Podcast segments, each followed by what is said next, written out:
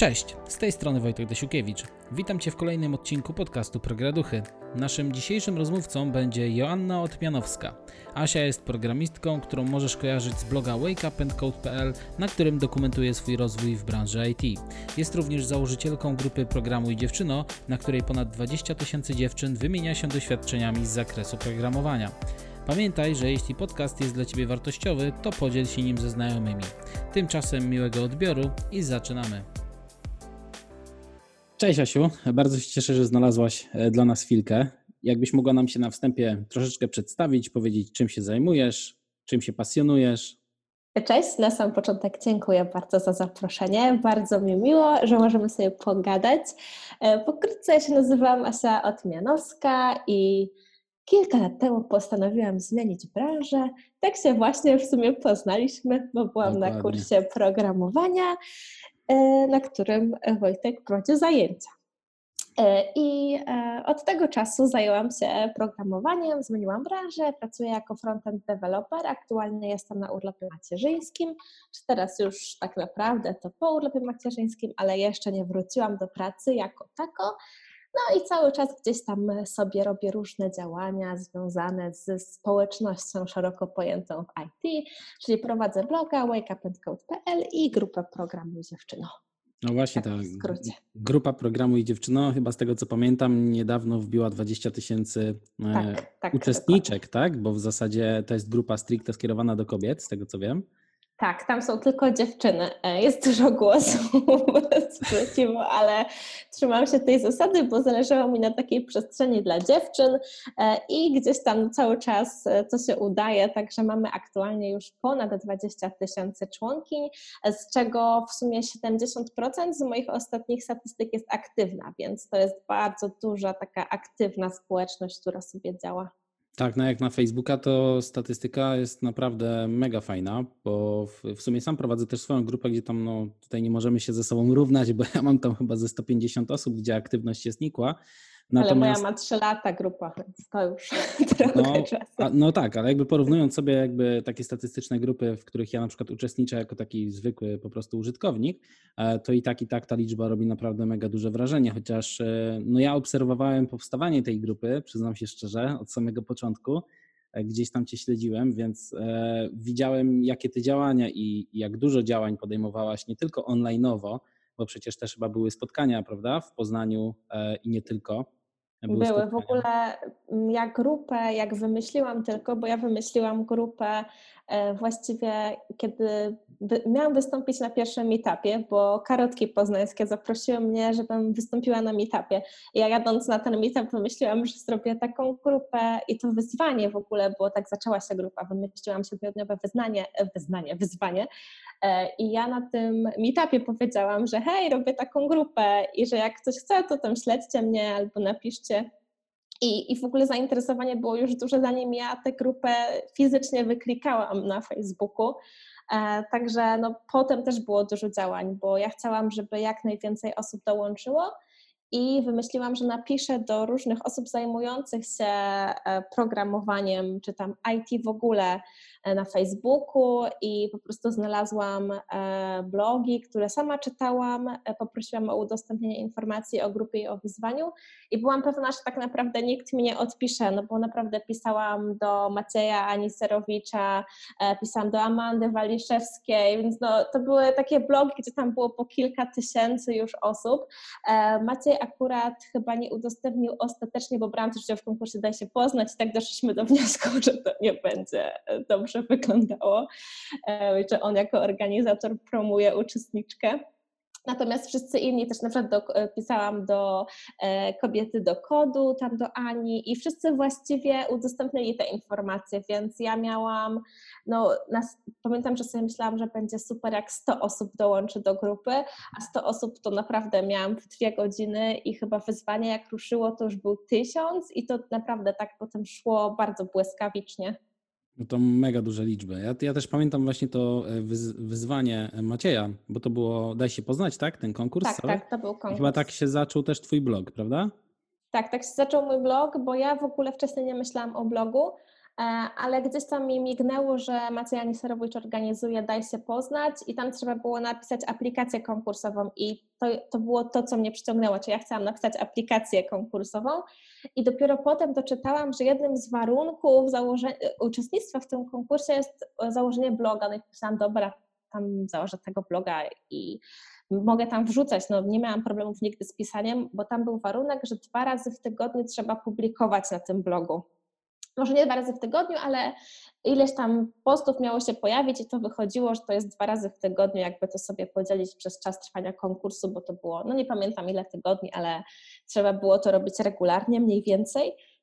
No i tak naprawdę zaczęłam pisać, bo trzeba było, bo miałam wrażenie, że no co w ogóle mam do powiedzenia jako wtedy nawet jeszcze nie junior, bo ja nawet nie pracowałam, kiedy założyłam tego bloga. Ja założyłam, czy pracowałam w IT jako konsultant SharePointa y, i mm, tam w HTML i w JavaScriptie czasem pisałam po jednej linijce.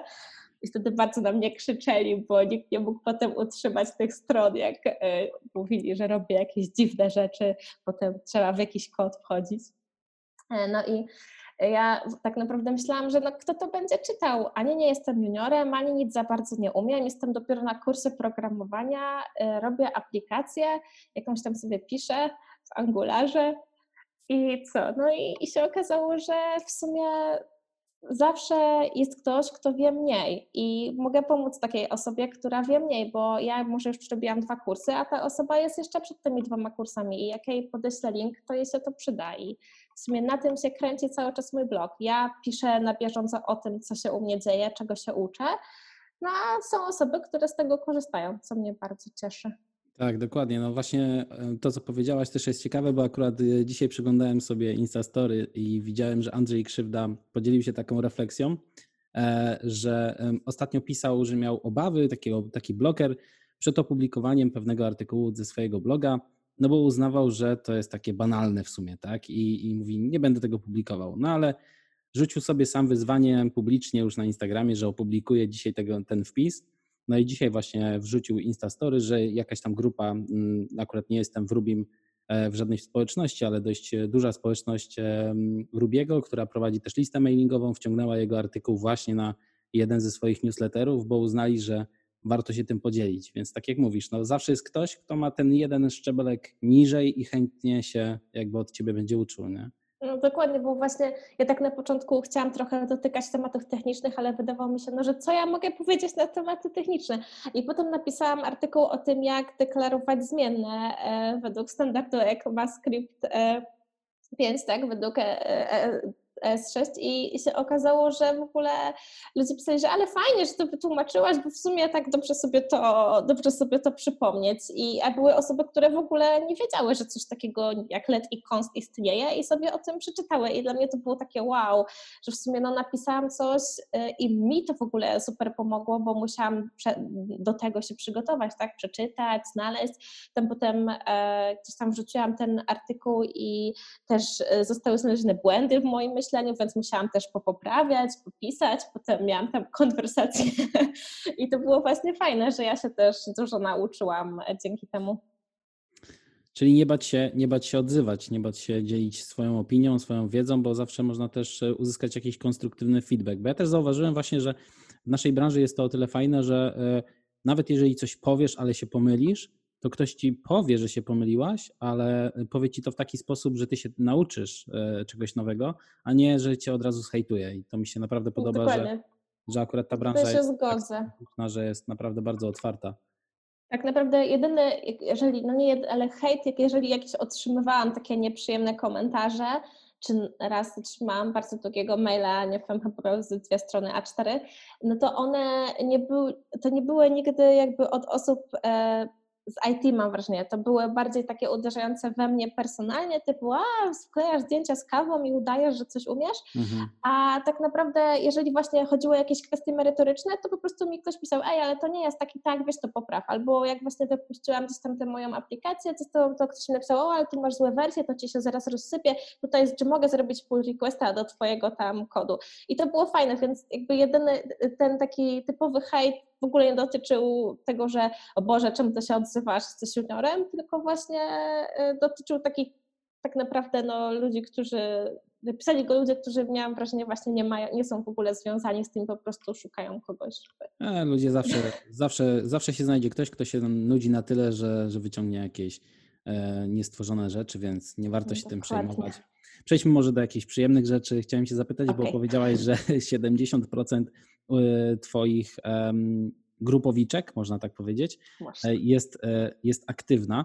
Powiedz mi, jak się buduje zaangażowaną społeczność, jak ty to robisz, że faktycznie utrzymujesz cały czas to zaangażowanie, bo mm, wydaje mi się, że w dzisiejszym świecie jest to dość ciężkie, żeby zaangażować kogoś do takiego, wiesz, czynnego działania e, w internecie. Jest tego tyle, że no, mamy dużo, wiesz, dużo miejsc, gdzie możemy się udzielać, a tutaj akurat twoja grupa okazała się naprawdę takim chyba strzałem w dziesiątkę, gdzie no widać, że to działa, ale też myślę, że jest, skryje się za tym jakiś E, jakiś benefit dla właśnie uczestniczek e, tej grupy, które one dostrzegają i dlatego to zaangażowanie jest.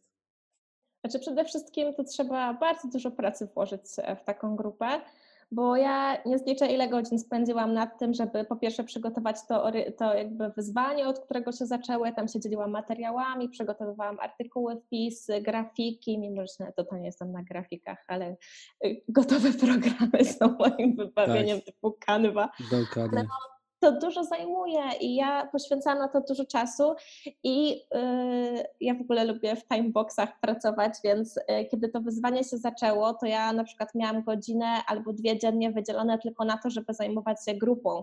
I to trwało bardzo długo. Ja naprawdę przez pierwszy rok trwania grupy poświęcałam no, gdzieś właśnie około godziny dziennie, nawet czasem więcej, żeby ogarniać te rzeczy, które się działy. Jednocześnie pracowałam i uczyłam się, więc no, sen e, nie był wtedy moim najlepszym przyjacielem, ale no myślę, że przede wszystkim e, to, że dużo poświęcałam czasu i e, zawsze miałam moim celem było stworzenie takiego bezpiecznego miejsca, gdzie można porozmawiać o wszystkim i zapytać o wszystko związane z programowaniem.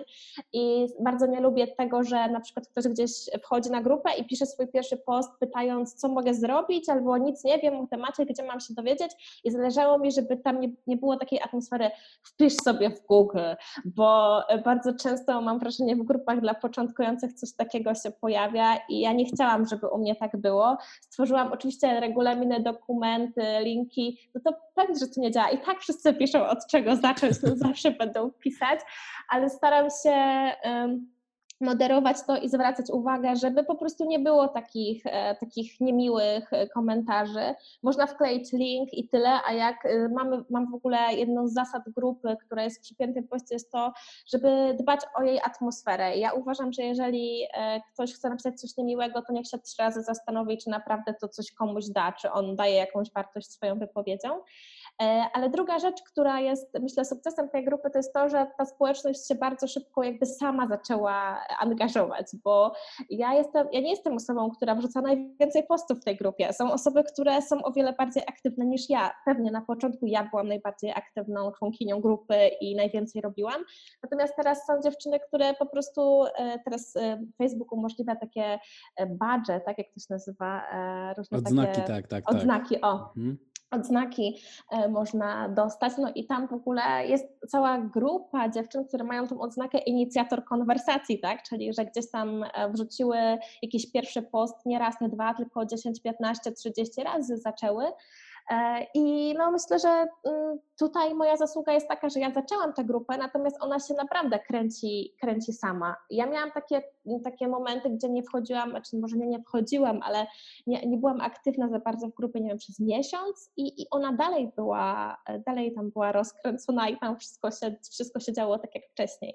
Też nie jestem jedyną moderatorką już, bo mam dziewczynę do pomocy, bo nie byłam w stanie czytać tego wszystkiego, a długo czytałam wszystko, chyba przez dobre, dobry rok, tak, bo po pierwszych urodzinach grupy postanowiłam, e, postanowiłam poprosić o pomoc, po czytanie wszystkich postów. E, tak, po prostu bardzo mi zależało, żeby tam nie było toksycznej atmosfery i, i bardzo o to dbałam.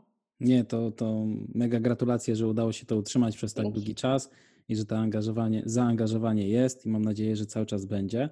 Też mi się wydaje właśnie, że e, zaangażowanie kobiet do branży IT jest takie bardzo istotne, więc bardzo e, jakby propsuję Twoją grupę i te Twoje działania.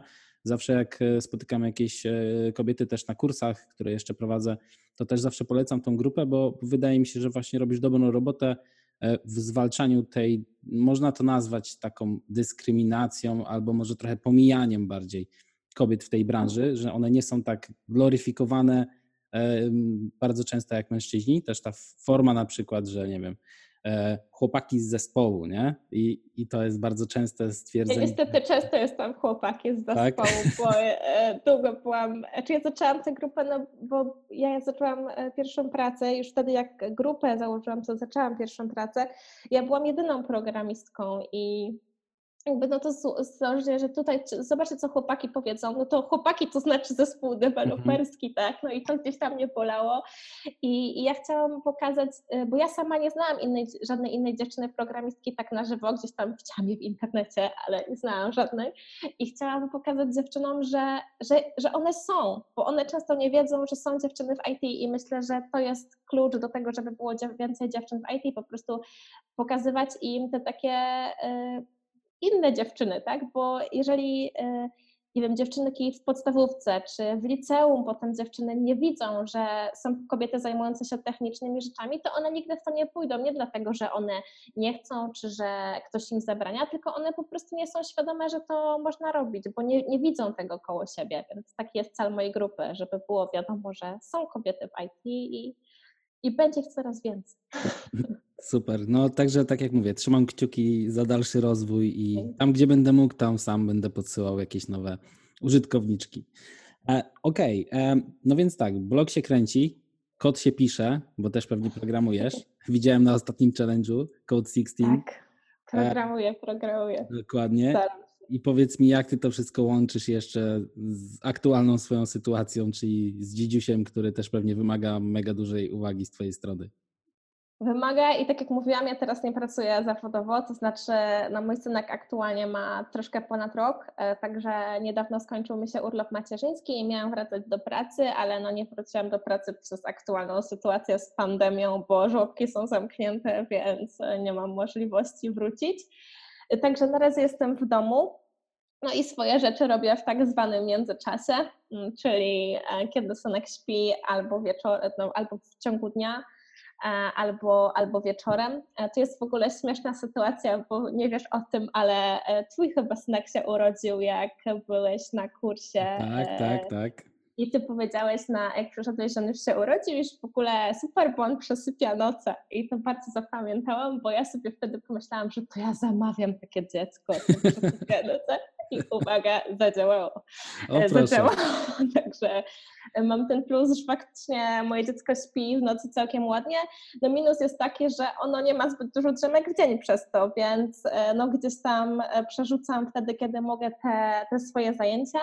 No też z mężem się dzielimy, e, bo tak naprawdę to traktujemy to, że jak, ja, jak on jest w pracy, to ja się też zajmuję synkiem, no bo wiadomo, ja nie pracuję, natomiast jak on kończy pracę, to staramy się dzielić ten czas porówno i po prostu, żeby każdy miał też czas dla siebie, żeby coś zrobić swojego, czy trening, czy kod, czy tam cokolwiek. E, mój mąż też programuje, także oboje jesteśmy w tym samym klimacie, rozumiemy się pod tym względem, że czasem trzeba coś napisać. No i staram się gdzieś tam cały czas być na bieżąco, ale no nie ukrywam, że to jest zupełnie coś innego niż tak jak wiedziałam, że sobie mogę wstać e, wcześniej i na pewno będę miała dwie godziny na kodowanie przed pracą, bo ja w ogóle lubię w takim systemie wczesnym. Teraz próbuję wstać wcześniej, chyba już od miesiąca. Jeżeli uda mi się w ogóle wstać o tej 6 rano, to moje dziecko zaraz pojawia się koło mnie i też już jest gotowe do zabawy. No ale no staram się pisać gdzieś tam. E, teraz akurat jestem e, na takim kursie z czystego JavaScriptu, to są takie krótkie zadanka, więc no bardziej idę w takie krótkie rzeczy, czyli albo właśnie jakieś kata programistyczne sobie robię, albo jakieś takie krótkie zadania. No, po prostu biorę to, co jest. I na początku mocno się frustrowałam, że faktycznie no, nie byłam w stanie robić tyle, ile chciałam, że będę robić, ale no, udaje mi się cały czas coś tam pisać, więc się z tego cieszę i, i mam nadzieję, że to wystarczy, żeby potem się w miarę szybko wdrożyć do pracy. No tak, tak. No, szczególnie, że za chwilkę mam nadzieję, że ta nasza sytuacja tutaj pandemiczna się skończy i wrócimy, wrócimy do tego rynku. Tak, dokładnie. A powiedz mi, mm, to jaki masz e, dalszy pomysł na rozwój swojej kariery? Czy mm, rozważasz jakby naukę czegoś więcej niż tylko frontend? Myślisz o full stacku? Myślę, ale na razie to są dalsze, dalsze plany. Tak naprawdę no, moim najbliższym planem jest to, żeby wrócić do pracy. Nie wiem, czy to będzie na razie pół etatu, czy cały etat, dopóki ta sytuacja się nie uspokoi. Wdrożyć się i, i chciałabym właśnie e, gdzieś tam pracować nad tymi, e, nad podstawami, bo myślę, że zauważyłam, że to jest mój największy problem. Nie, że e, mogę się dobrze nauczyć frameworka, ale gdzieś tam kuleją te podstawy, bo nie do końca rozumiem to, co się dzieje pod spodem. I, i moim celem jest to właśnie, żeby się tego nauczyć. Właśnie jestem teraz w tym klimacie, bo robię sobie Vanilla JS Academy, więc e, bardzo tam dużo, dużo mi to w ogóle rozjaśnia. E, jeżeli chodzi o full stack, to e, robiłam ostatnio kurs z Node.js'a, więc bardziej w tym kierunku, trochę jakieś tam GraphQL, to mi się bardzo podoba. Natomiast ja gdzieś tam się dobrze czuję też w prezentacjach, w jakichś takich procesowych rzeczach, więc w ogóle tak bardzo przyszłościowo myślałam, że może by się udało też coś takiego robić. W sensie, gdzieś tam jakieś zawsze demo, to zawsze robię ja. Okay. inne, inne, tego typu rzeczy i, i gdzieś tam to, dobrze się czuję też w takich. E, gdzieś tam w planowaniu tego, jak co powinno wyglądać, e, ale no tak jak mówię, myślę, że na chwilę obecną nie mam takiej wiedzy technicznej, żeby się gdzieś tam w tym dobrze odnaleźć, więc nad tym będę pracować przez no. najbliższy no. czas. No i blog e, i, i gdzieś tam te moje działania poboczne to też jest dla mnie fajna rzecz, bo, bo myślę, że no tutaj też się w tym spełniam i aktualnie właśnie kończę e-booka w ogóle o zmianie branży, więc też bym chciała to tak wy, zbalansować. O, no tak, jakby linka do e-booka e, podeślemy tutaj w opisie. E-booka jeszcze nie ma. Ja wiem, do bloga ja wiem. na razie może. Oczy, oczywiście do bloga, do bloga i do e-booka zedytuję, jak tylko e-book się pojawi, to, to też podlinkujemy, tak żeby, żeby każdy... Bardzo dużo pracy, bardzo dużo pracy z e-bookiem. Mimo, że tekst trzymałam, to się okazało, że o, teraz dopiero się zaczyna dużo pracy. No tak, tak, tak. No, pisanie e-booka kiedyś przerabiałem, natomiast y, poddałem się gdzieś tak w połowie i może kiedyś do tego jeszcze wrócę, ale póki co jakoś nie mam też czasu, bo ten czas jest takim towarem deficytowym chyba dzisiaj, nie? No, dokładnie. A powiedz mi, jak tam Habit Tracker, bo pamiętam taki pewien projekt, właśnie pisany chyba nawet na samym początku w Angularze. Tak, e, Habit Tracker e, żyje i ma się dobrze i reinkarnował się kilka razy w różnych technologiach, bo Habit Tracker to był właśnie projekt, który pisałam na konkurs Daj się poznać i jednocześnie pisałam go na zakończenie kursu programowania właśnie i był oryginalnie, taka pierwsza wersja była właśnie w Angularze 1, e, Angular.js. Tak, dokładnie. I to były czasy. To, to, były czasy, dokładnie.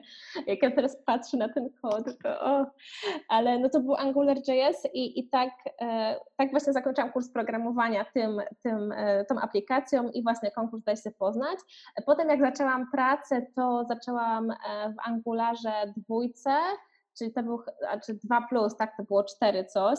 Teraz tego nie śledzę, bo już w Angularze nie pracuję, zakładam, że to już jest pewnie wersja 8 plus, nie wiem jak tam się Angular Chyba tak, chyba tak. Tak? A strzeliłam? Na, na ten moment chyba tak. No więc y, później przypisałam go na tą dwójkę, bo dla niezorientowanych AngularJS, czyli Angular 1 i Angular 2 to są dwa zupełnie inne frameworki, tylko tak naprawdę została nazwa, ale one się od siebie różnią totalnie. Więc ja sobie potem go napisałam, żeby się nauczyć czegoś, to napisałam sobie w tej, y, tym e, właśnie w Angularze dwójce. No i po, później, chyba dwa lata później stwierdziłam, że teraz już pracuję w reakcie, więc sobie napiszę to w reakcie. Ale za trzecim razem, trzecie podejście do Habit Trackera było już bardzo profesjonalne, bo e, współpracowałam razem z UX designerką, która mi e, zaprojektowała i w ogóle zrobiła badanie rynku. Jak ktoś chce poczytać, to możemy podrzucić link, bo jest cała seria u mnie na blogu i właśnie tam jest opisane w ogóle jak podejść do swojej aplikacji, jak ją zaprojektować, jak zbadać, w ogóle zobaczyć jaka jest konkurencja. I to była naprawdę już taka bardzo profesjonalna praca i te wersje Habit Trackera, w ogóle ona już miała bazę danych, Firebase, logowanie przez Facebooka, przez GitHuba, więc tam po prostu przez lata to rozrosło się. E, no i ja pod koniec ciąży w ogóle e, pisałam te aplikacje i, e, I ona jest dostępna, pewnie, że jest jeszcze dużo rzeczy do poprawki, ale taka tam wersja jest nawet gdzieś wyhostowana chyba na Netlify, więc można sobie wejść i można nawet sobie z tego korzystać. Ja korzystam, także cały czas Habit Tracker żyje. Super, super. No y, fajnie usłyszeć, że ten projekt nie umarł, bo bardzo często właśnie zdarza się, że osoby, które kończą załóżmy kurs i robią jakiś projekt taki stricte do portfolio, no to potem ten projekt sobie gdzieś tam umyka, wiesz, na GitHubie gdzieś tam znika. A tu fajnie, że udało Ci się po pierwsze przepisać na y, kolejną wersję Angulara, potem tak jak mówisz React, jeszcze do tego dorzuciłaś bazę danych, y, Firebase'a, super, super, super, że nie umarło. Czy to jest mój sztampowy projekt, się tak śmieję, że jak ja mam wykorzystać jakąś nową technologię, to piszę w niej Habit Trackera.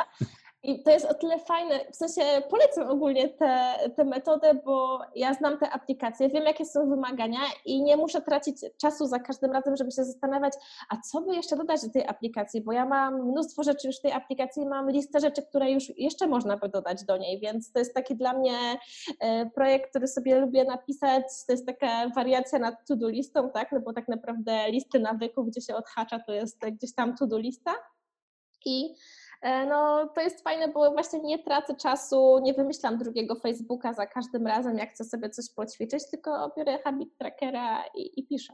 Tak, mnie, dla mnie bardzo ciekawym e, ciekawą sytuacją było to, że ty chyba podczas, e, gdy tworzyłaś tą pierwszą wersję, to mówiłaś, że tworzyłaś to też na podstawie chyba jakiejś książki, tak? W ogóle. Tak, tak, tak. To była to... w ogóle na podstawie książki e, Siła nawyku Charlesa Duhiga, a idea Habit Trackera w ogóle jest z takiego czegoś jak bullet journal. To są takie, że to się w ogóle w notesach się zapisuje, odhacza analogowo, a ja postanowiłam zrobić taką wersję e, Digital. online, tak, digitalową.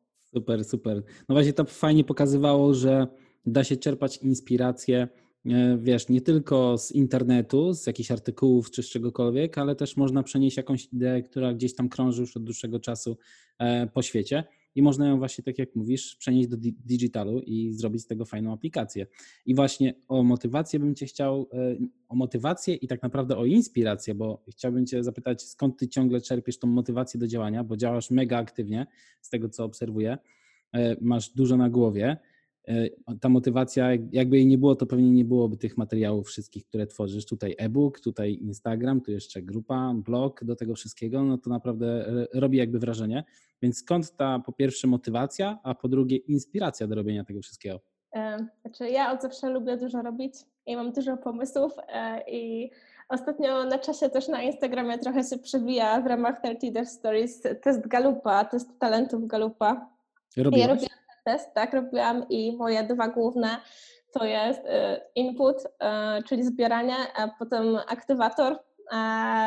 I myślę, że to są dwa główne talenty, które to odpowiadają, bo ja uwielbiam się uczyć nowych rzeczy. W ogóle uwielbiam nowe rzeczy. W sensie e, może zawsze ze mnie śmieje, że moja lista rzeczy do zrobienia w życiu jest tak długa, że mi nie starczy, bo na przykład jedziemy koło ostatniego konia i mówię, o, chciałabym się nauczyć jeździć konno. I ja po prostu bardzo dużo rzeczy lubię próbować. Tak samo jest z programowaniem i tak samo jest e, właśnie ogólnie z uczeniem się, więc muszę uważać na to, żeby nie robić za dużo, bo ja właśnie, ja mam raczej taki problem, że ja mam za dużo pomysłów niż, że mam za mało. No po prostu tak, tak mam. I ja raczej muszę filtrować to, co właściwie przekuję w działanie, bo ja lubię też od razu wcielać to w życie. I czasem po prostu wplączę się w coś, w sensie tak to jest pozytywna rzecz, ale potem ona mi zajmuje bardzo dużo czasu i ja potem siedzę i mówię, po co ja to znowu zrobiłam, znowu się dzieje to samo i muszę sobie to filtrować, więc no nie znam e, niestety recepty na inspirację i motywację, bo ja tak mam, ja po prostu cały czas gdzieś tam wpadam na jakieś nowe pomysły i projekt w ogóle wtedy wracając do Habit Trackera, to był chyba trzeci projekt, jaki wymyśliłam, bo ja wcześniej myślami rozpisałam dwa inne. Pierwszy był w ogóle ciekawe, jest coś takiego jak Six Degrees of Separation, czyli że każdy człowiek z każdym człowiekiem na Ziemi może się połączyć tak, przez tak. I ja chciałam w jakiś sposób zrobić stronę, ale nie wpadłam na to, żeby zrobić, że ona była fajna, taka, ale cały czas mam to z tyłu głowy. No, ale odpowiadając na to moje pytanie, po prostu tak mam i zawsze tak miałam i bardziej się właśnie muszę ograniczać. Myślę, że napędza też mnie to, że jest super odzew na to, co robię, bo jest dużo ludzi y, i dostaję naprawdę mnóstwo wiadomości mówiących, że robię fajne rzeczy, że to się przydaje, dostaję maile, też teraz piszę newsletter i po prostu co tydzień mam tyle odpowiedzi na newsletter, że potem cały tydzień na nie odpowiadam kolejny. Więc to, że ta, w ogóle myślę, że ta społeczność IT i społeczność ludzi, którzy chcą wejść do IT jest bardzo zaangażowana, no i jak mamy ten odzew, to naprawdę no, napędza do działania, przynajmniej mnie. Tak, to, to ja też mam tak samo, bo teraz y, odkąd wziąłem udział w tym wyzwanie 30 Dev Stories, to widzę, że po pierwsze nauczyłem się trochę regularności na Instagramie, troszeczkę mniej e, skupiam się na formie przekazu, a bardziej na treści. I widzę, że po pierwsze to działa, także wydaje mi się, że ludzie bardziej liczą na to, że to będzie kontekst merytoryczny, taki dość konkretny, natomiast niekoniecznie musi być to w super kolorkach i tak dalej. E, no i też właśnie zaskoczyło mnie to, że po pierwsze mam duży przyrost, to, to jest raz, a dwa, że jest naprawdę fajny feedback, że ludzie zaczęli się odzywać, zadają pytania, wchodzą w jakieś dyskusje, też z innymi programistami e, można się wymienić e, jakąś tam wiedzą, doświadczeniami i tak dalej. Więc naprawdę faktycznie zauważam, że, że ta społeczność no, no jest tutaj mega otwarta i, i że można faktycznie fajne rzeczy zrobić. A też no, można... Jeszcze przerwę jedna rzecz, bo tak mi przyszło do głowy, że chyba e, muszę tutaj powiedzieć, że kwestią motywacji chyba też jest to, co wspominasz, czyli regularność. Że jak już coś zaczynasz robić, to właśnie jak robisz to codziennie, to łapiesz ten flow w trakcie po prostu. A później po jakimś czasie masz habit. tak, dokładnie, dokładnie. No Mówiłam właśnie. o pracy głębokiej ostatnio i to, to właśnie tak działa. Tak, no właśnie ja, ja, pracuję, ja pracuję nad e, pracą głęboką póki co e, u siebie. Nie wychodzi mi to jakoś zbytnio fajnie, natomiast wiem, że to daje duży, duży taki boost, jeżeli chodzi o efektywność, więc no, staram się tutaj podciągać to. No i też zastanawiam się nad tym testem Galupa, powiedz, e, bo wiem, że sporo osób z mojego otoczenia robiło ten test i większość chwali, natomiast też słyszałem niektóre głosy, że chyba nie do końca się to sprawdza. Nie wiem, czy to nie było uwarunkowane wynikiem tego testu, że wynik nie był taki, jaki, jakiego się spodziewała ta dana osoba. Natomiast powiedz, jak, jakie ty masz odczucia? Uważasz, że test Galupa daje, daje, jakąś taki, daje jakiś feedback o nas?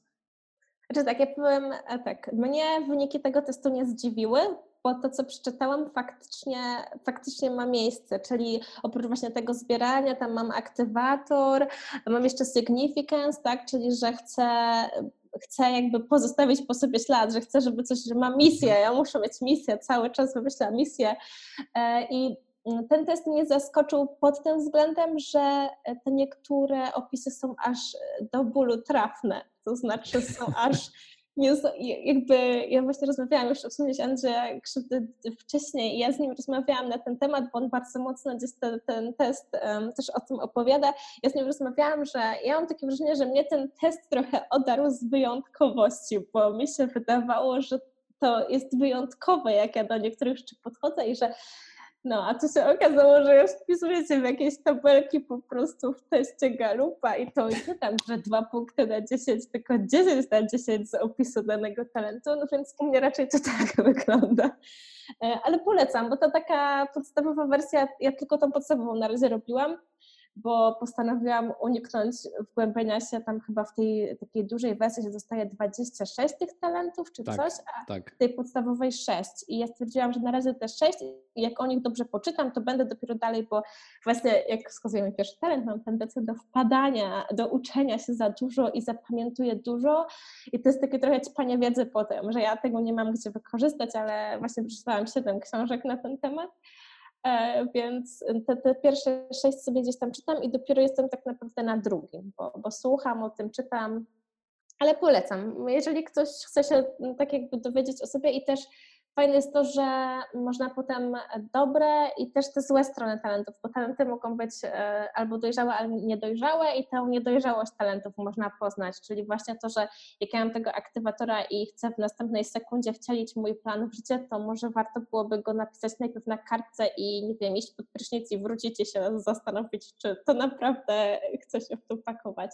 No, także takie praca z talentami wydaje się być bardzo ciekawa. Dopiero zaczynam, także nie jestem w ogóle ekspertem, ale myślę, że, że to dużo daje.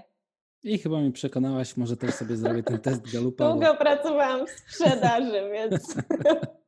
No tak, to mogą Ci spokojnie, możesz się zgłosić po prowizję do nich. Także jak masz jakiś kod referencyjny, to śmiało wysyłaj. Nie Słuchaj, mam niestety. Powiedziałaś, powiedziałaś o tej nauce. No i właśnie chciałem Cię zapytać o to, czy jesteś w stanie podać jakieś rady, albo przynajmniej wyliczyć trzy takie podstawowe błędy, jakie Twoim zdaniem popełniłaś podczas e, rozpoczynania nauki programowania? Ach, ja mogę, ja tych błędów wymienić 10 nawet.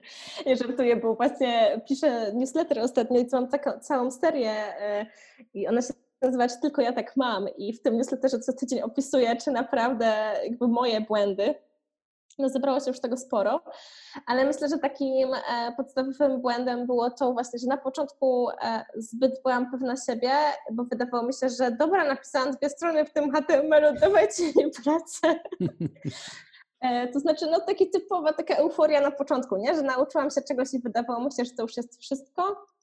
I, I gdzieś tam zaczęłam e, szukać dalej, i przez to dużym błędem było to, że ja, e, ten, to, że zaczęłam w ogóle czytać o Angularze, bo Angulara w ogóle nie było w programie kursu, tylko ja gdzieś tam go sobie wydłubałam sama, bo stwierdziłam, że dobra, tam mówię już te JavaScripty, idę dalej.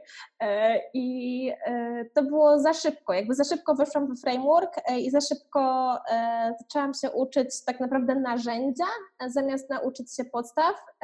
No i tak jak już wspominałam, do, do teraz tak naprawdę to płacę, bo było wiele sytuacji, e, gdzie nie umiałam czegoś zdebagować albo nie umiałam znaleźć błędu, dlatego że no, nie miałam e, tej takiej podstawowej wiedzy i gdzieś tam no, to się udało zrobić tam czy z pomocą czyjąś, czy w końcu gdzieś tam do tego doszłam, ale zajęło to na pewno więcej czasu niż gdybym poświęciła więcej czasu na tą, e, na tą naukę.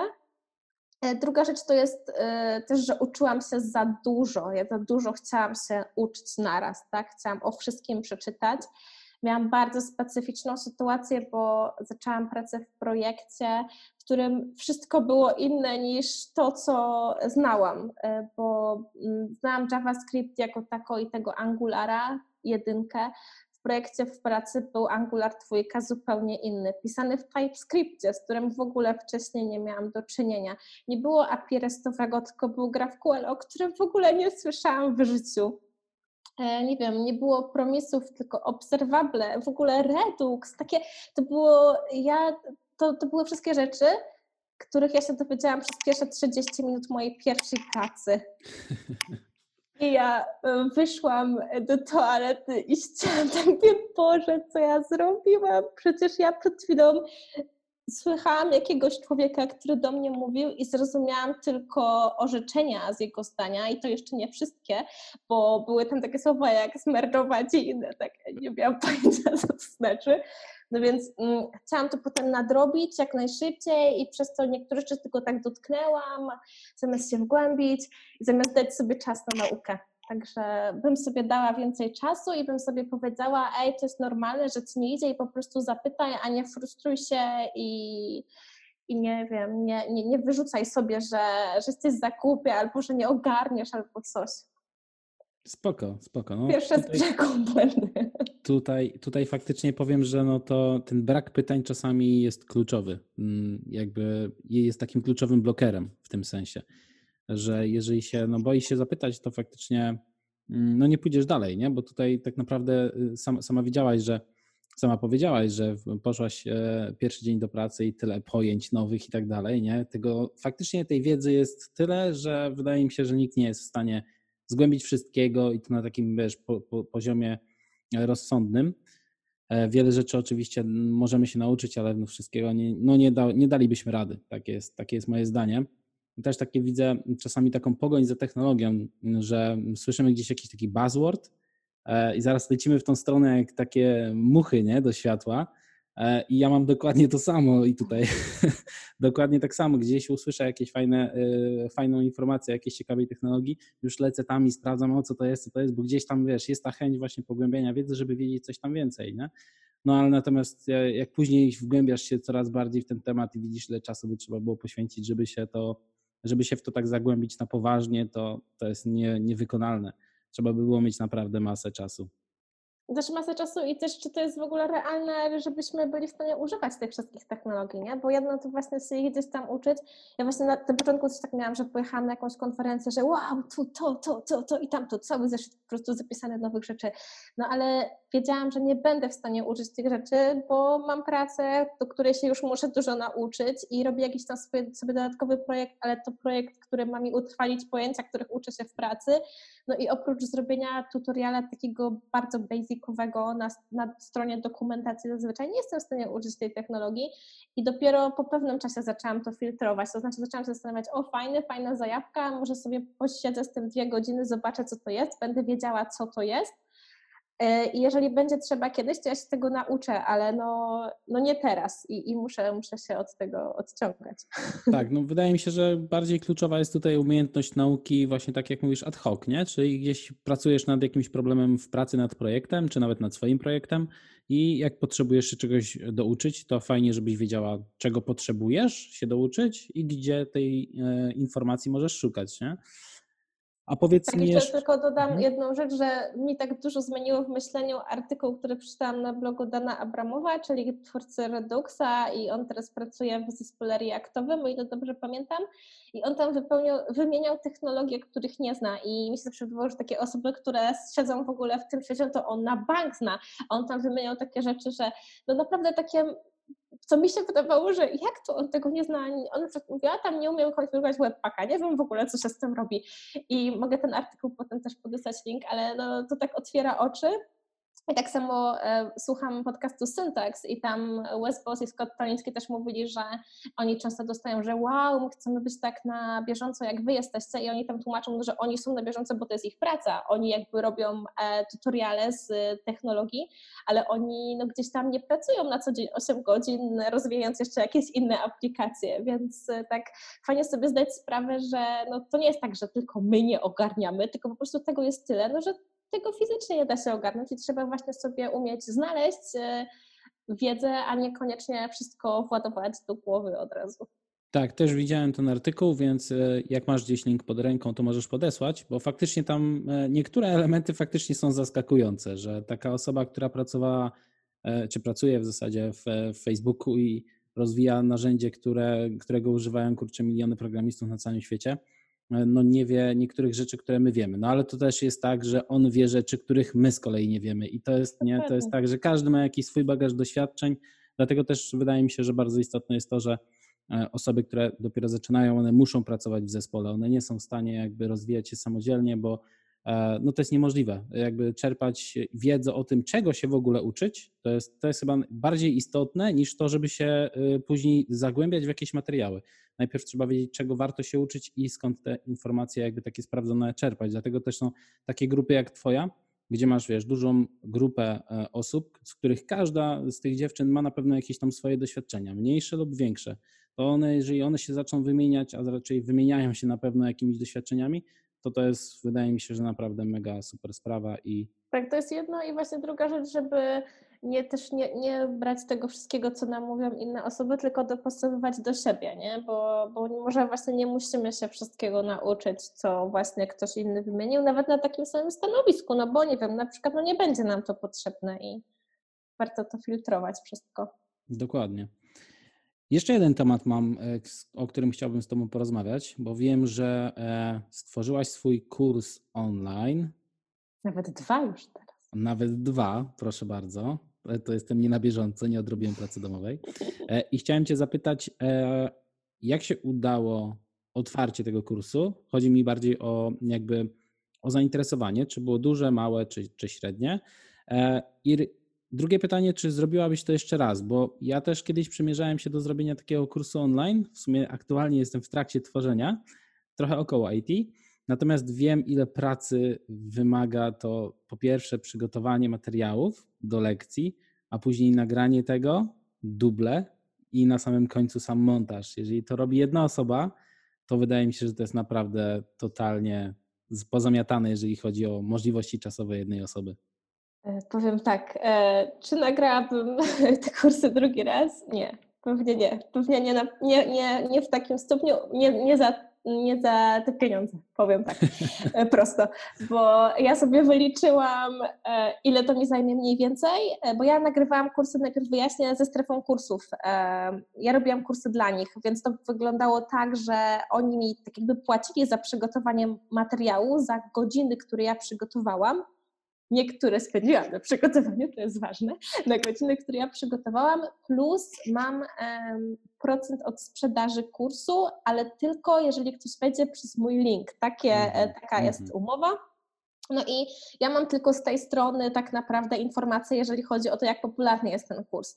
E, I pierwszy kurs, który nagrałam, to było właściwie no, dwa lata temu i to był kurs podstaw technologii frontendowych, on się nazywa Programuj dziewczyno i tam jest po prostu buduję prostą stronkę HTML, CSS, JavaScript i to był pierwszy kurs, a drugi kurs był o tym, jak zmienić branżę na junior frontend developera, czyli czego trzeba się nauczyć, co tam trzeba zrobić, taki bardziej miękki. E, I ten pierwszy kurs w ogóle nie miałam żadnego doświadczenia z kursami, e, nie miałam doświadczenia z montażem, bo tam też składałam te filmy ja. E, podkładałam dźwięk, nagrywałam, no po prostu ogrom, ogrom czasu mi minął. Przestrzeliłam moje wszelkie estymacje, nie wiem, razy sto tak naprawdę, bo no nie byłam w ogóle przygotowana, nie znałam się na tym nawet jak mikrofon podłączyć, gdzie, jak aparat włączyć, i po prostu to ile razy nagrywałam pierwszą lekcję, bo e, nie nagrałam dźwięku, ciągle zapominałam nagrywać dźwięk. E, w ogóle to, jest fajna przygoda, e, ale tak naprawdę teraz już to wiem, ale zupełnie tego nie wiedziałam na początku. Plus to, że naprawdę jak już nagrywam coś siódmy raz, już bardzo chcę, żeby to poszło, to ja mieszkałam w poprzednim mieszkaniu na podwórku w ciepłym kościół i on co godzinę biły dzwony i zawsze mi wypadały te dzwony. Te dzwony mi wypadały po prostu, jak już w końcu dałam radę wszystko połączyć. No ogólnie kursy, ma, one, one są jakby, ich przyjęcie było bardzo bardzo, bardzo ciepłe i dużo osób e, gdzieś tam pisało, dostałam bardzo dobry feedback. One są też fajnie ocenione na, na strefie kursów i ja bardzo się cieszę, bo ja tak naprawdę zrobiłam kursy, które ja bym chciała zrobić, zanim zaczęłam programować, bo moim celem były takie totalnie entry level, czyli ktoś wchodzi, nie ma pojęcia o kodowaniu i robi sobie taką prostą stronę, y, która jest w całości na końcu, tak? On dostaje faktycznie stronę, a ten drugi kurs był taki właśnie zebranie tych informacji o frontend developmentie, Mm, I to są fajne kursy, jestem z nich bardzo dumna, ale no naprawdę kosztowały mnie dużo pracy. E, I, I, nie wiem, czy, czy kolejny raz bym się zdecydowała na aż taką formę, na aż takie długie kursy, bo one oba są bardzo długie i duże, i tam jest dużo, dużo informacji. E, I tak jak mówię, no, paradoksalnie w ogóle ten drugi się okazał trudniejszy, bo tam więcej nagrywałam ja, że mnie było widać, bo w tym pierwszym było dużo kodu i po prostu ekran, więc byłam w stanie to nagrywać e, właśnie przed pracą. E, natomiast w tym drugim to światło dzienne musiało być i inne takie rzeczy, że ja właśnie nawet o tym ostatnio opowiadałam, że ja go nagrałam w takim systemie, że wzięłam urlop z normalnej pracy i po prostu skupiłam się tylko na tym, bo gdzieś tam miałam to małe okno w ciągu dnia, żeby móc nagrać dobrze, licząc duble i tak dalej. Duble są najgorsze. Tak. Ja nagrałem też chyba trzy tutoriale, z czego jeden już jest opublikowany, plus teraz ten filmik na, na challenge no i po prostu to jest niby 10 minut, ale po prostu no to chyba z 2-3 godzinki takie 10 minut się kręci, tak? tak z tak, tak. wszystkimi. Czy potem jest nawet fajnie, łatwo i potem niby da się jakoś pociąć, ale ja na przykład jestem perfekcjonistką i ja nie mogę, bardzo mnie denerwuje, jak widzę, że jest cięcie, nie? Że ktoś coś zmontował, że na przykład mu tak przeskoczyła. No ja nie mogę, ja nagram to jeszcze raz. Więc może e, gdybym też sobie trochę bardziej odpuściła w tym pierwszym kursie, bo tam naprawdę gdzieś się pomyliłam, w kodzie coś tam źle powiedziałam, to zamiast powiedzieć to jeszcze raz, już tak przy drugim robiłam, bo już się nauczyłam takich trików, że właśnie jak się mówi pełnymi zdaniami, że jak się coś pomyli, to potem mówię jeszcze raz całe zdanie, to sobie potem mogę to dobrze powycinać, e, no ale to jest dużo pracy, plus jak sobie zdaję sprawę przy obróbce ścieżek tych dźwiękowych, ile razy się jakieś takie dziwne dźwięki wydaje, których trzeba się potem pozbyć w tych wszystkich obróbkach, szczególnie jak mamy kod i tylko głos, to słychać każde westchnięcie, bo no, po prostu wszystko słychać. Dokładnie, jeszcze te kliknięcia i pisanie tak. na klawiaturze, nie? No tak, tak, tak. Ja też się nauczyłem tego, że też zacząłem myśleć bardziej ujęciami, że mam do nagrania ujęcie i też to jest o tyle fajne, że myśli się troszeczkę inaczej układa wtedy w głowie i trochę jest też inny sposób przekazu, nie? bo myślisz sobie takimi ujęciami, myślisz, dobra, muszę powiedzieć trzy zdania i zrobić określoną jedną czynność na ekranie i koniec, więcej nic nie, nie dotykam, więcej nic nie mówię, bo wiem, że jak się pomylę, to zrobię tutaj cięcie i zrobię sobie dubla, nie? Także no da się to wyćwiczyć faktycznie, ale no domyślam się, że to mega dużo czasu ci zabrało, bo... Tak, jeszcze to rozkładanie tego wszystkiego, tych cud, cudów wszystkich lamp, blend i tak dalej, bo właśnie strefa kursu w ogóle wypożycza cały ten sprzęt i jeszcze potem stwierdzili, że będzie super, że oni coś tam wrzucą w tło i mam nagrać to na green screenie i ja jeszcze musiałam rozciągać to wszystko w mieszkaniu. To niezłe wymagania, ale też chyba fajne doświadczenie, co? Fajne, fajne i to fajnie wyszło, jakby efekt jest fajny, ale no... Yy, ja nigdy już teraz nie powiem, że ktoś, nie wiem, że mógł, Boże, mógł jeszcze raz nagrać, ale dziwnie tutaj ujęcie, w życiu tego nie powiem, bo naprawdę wiem, ile to kosztuje pracy i może ta osoba nagrywa to 70 raz i już po prostu to było to. To ja ostatnio kupiłem sobie kurs na Udemy, no i tak powiem, średnio mi się spodobał e, i mówię, ocenię. No i tak patrzę, jest te pięć gwiazdek i byłem bliski dania dwóch, trzech gwiazdek, a potem sobie tak pomyślałem, nie, no ja wiem, ile to się robi, nie, i jeszcze w ogóle cały kurs i to tyle godzin, mówię, nie, masz gościu piąteczkę tutaj, bo za w ogóle za wytrwałość, że ci chciało to zrobić, że ty to zrobiłeś i dokończyłeś ten kurs cały, nie. To prawda, ale fajne doświadczenie i w ogóle na przykład jak ja robiłam, tak jak mówię, z zupełnych podstaw ten kurs, to mm, no super mi to utrwaliło te podstawy. E, ja no już to robiłam gdzieś tam mając doświadczenie, no, żeby zakładać taką zupełnie prostą stronę, gdzieś tam w JavaScriptie to było rozwijanie, nie wiem, jakiegoś tekstu, tam naprawdę nie było super dużo rzeczy, ale no to fajnie, jakby jak trzeba przygotować y, materiał tak, żeby komuś wytłumaczyć, no to się świetnie utrwala wiedza. Tak, dokładnie. No po drugie to też e, ja na przykład miałem tak, że mój kurs, e, kurs e, tutorial, który nagrywałem z Firebase'a, z takiej podstawowej tam, z takiego podstawowego deploymentu strony, no to to mi dało taki taki stymulator do tego, żeby w ogóle usiąść do Firebase'a, do którego już długo, długo się zabierałem, a jakoś nie było okazji. mówię, dobra, no to zabiorę się za tego Firebase'a, zrobię o tym materiał, przy okazji zrobię to na tyle dobrze, bo muszę sprawdzić tą wiedzę, że mi się to mega utrwaliło w, w głowie. Także tutaj to faktycznie utrwalanie wiedzy poprzez przekazywanie jej jest, y, działa, to działa. Tak, i nawet tak jak, tak jak mówisz, tak jak nie znałeś tego wcześniej, więc najpierw sobie sam coś robisz, a potem chcesz to przekazać, ja tak w ogóle z hukami w reakcję próbowałam, bo kiedy ja, e, kiedy huki wyszły, to ja tam przestawałam powoli pracować, e, no i właśnie napisałam artykuł o tym i potem sobie robiłam takie mini aplikacje z tym, e, żeby to zrozumieć i, i wytłumaczyć komuś, bo dopiero wtedy, wtedy właśnie bardziej to rozumiałam tak naprawdę. Dokładnie. Dobrze, Asiu. E, bardzo dziękuję Ci za poświęcony czas. Myślę, że sporo osób tutaj znajdzie po pierwsze inspirację, e, po drugie może też zachęcimy troszeczkę więcej osób do wchodzenia do tego IT, które nie jest aż tak straszne, jak czasami je malują. Dziękuję i tylko chcę jeszcze powiedzieć, że właśnie IT nie jest straszne, a programowanie to nie jest super moc, tylko umiejętność jak każda inna i można się nauczyć. W sensie to nie jest dla każdego, ale każdy może spróbować. Tak mogę powiedzieć na koniec. Super, super puenta. E, więc tak, zapraszamy jeszcze raz wszystkich na wakeupandcode.pl. E, linki będą oczywiście w opisie. E, zapraszamy też na grupę Asi, oczywiście tylko same, same panie zapraszamy.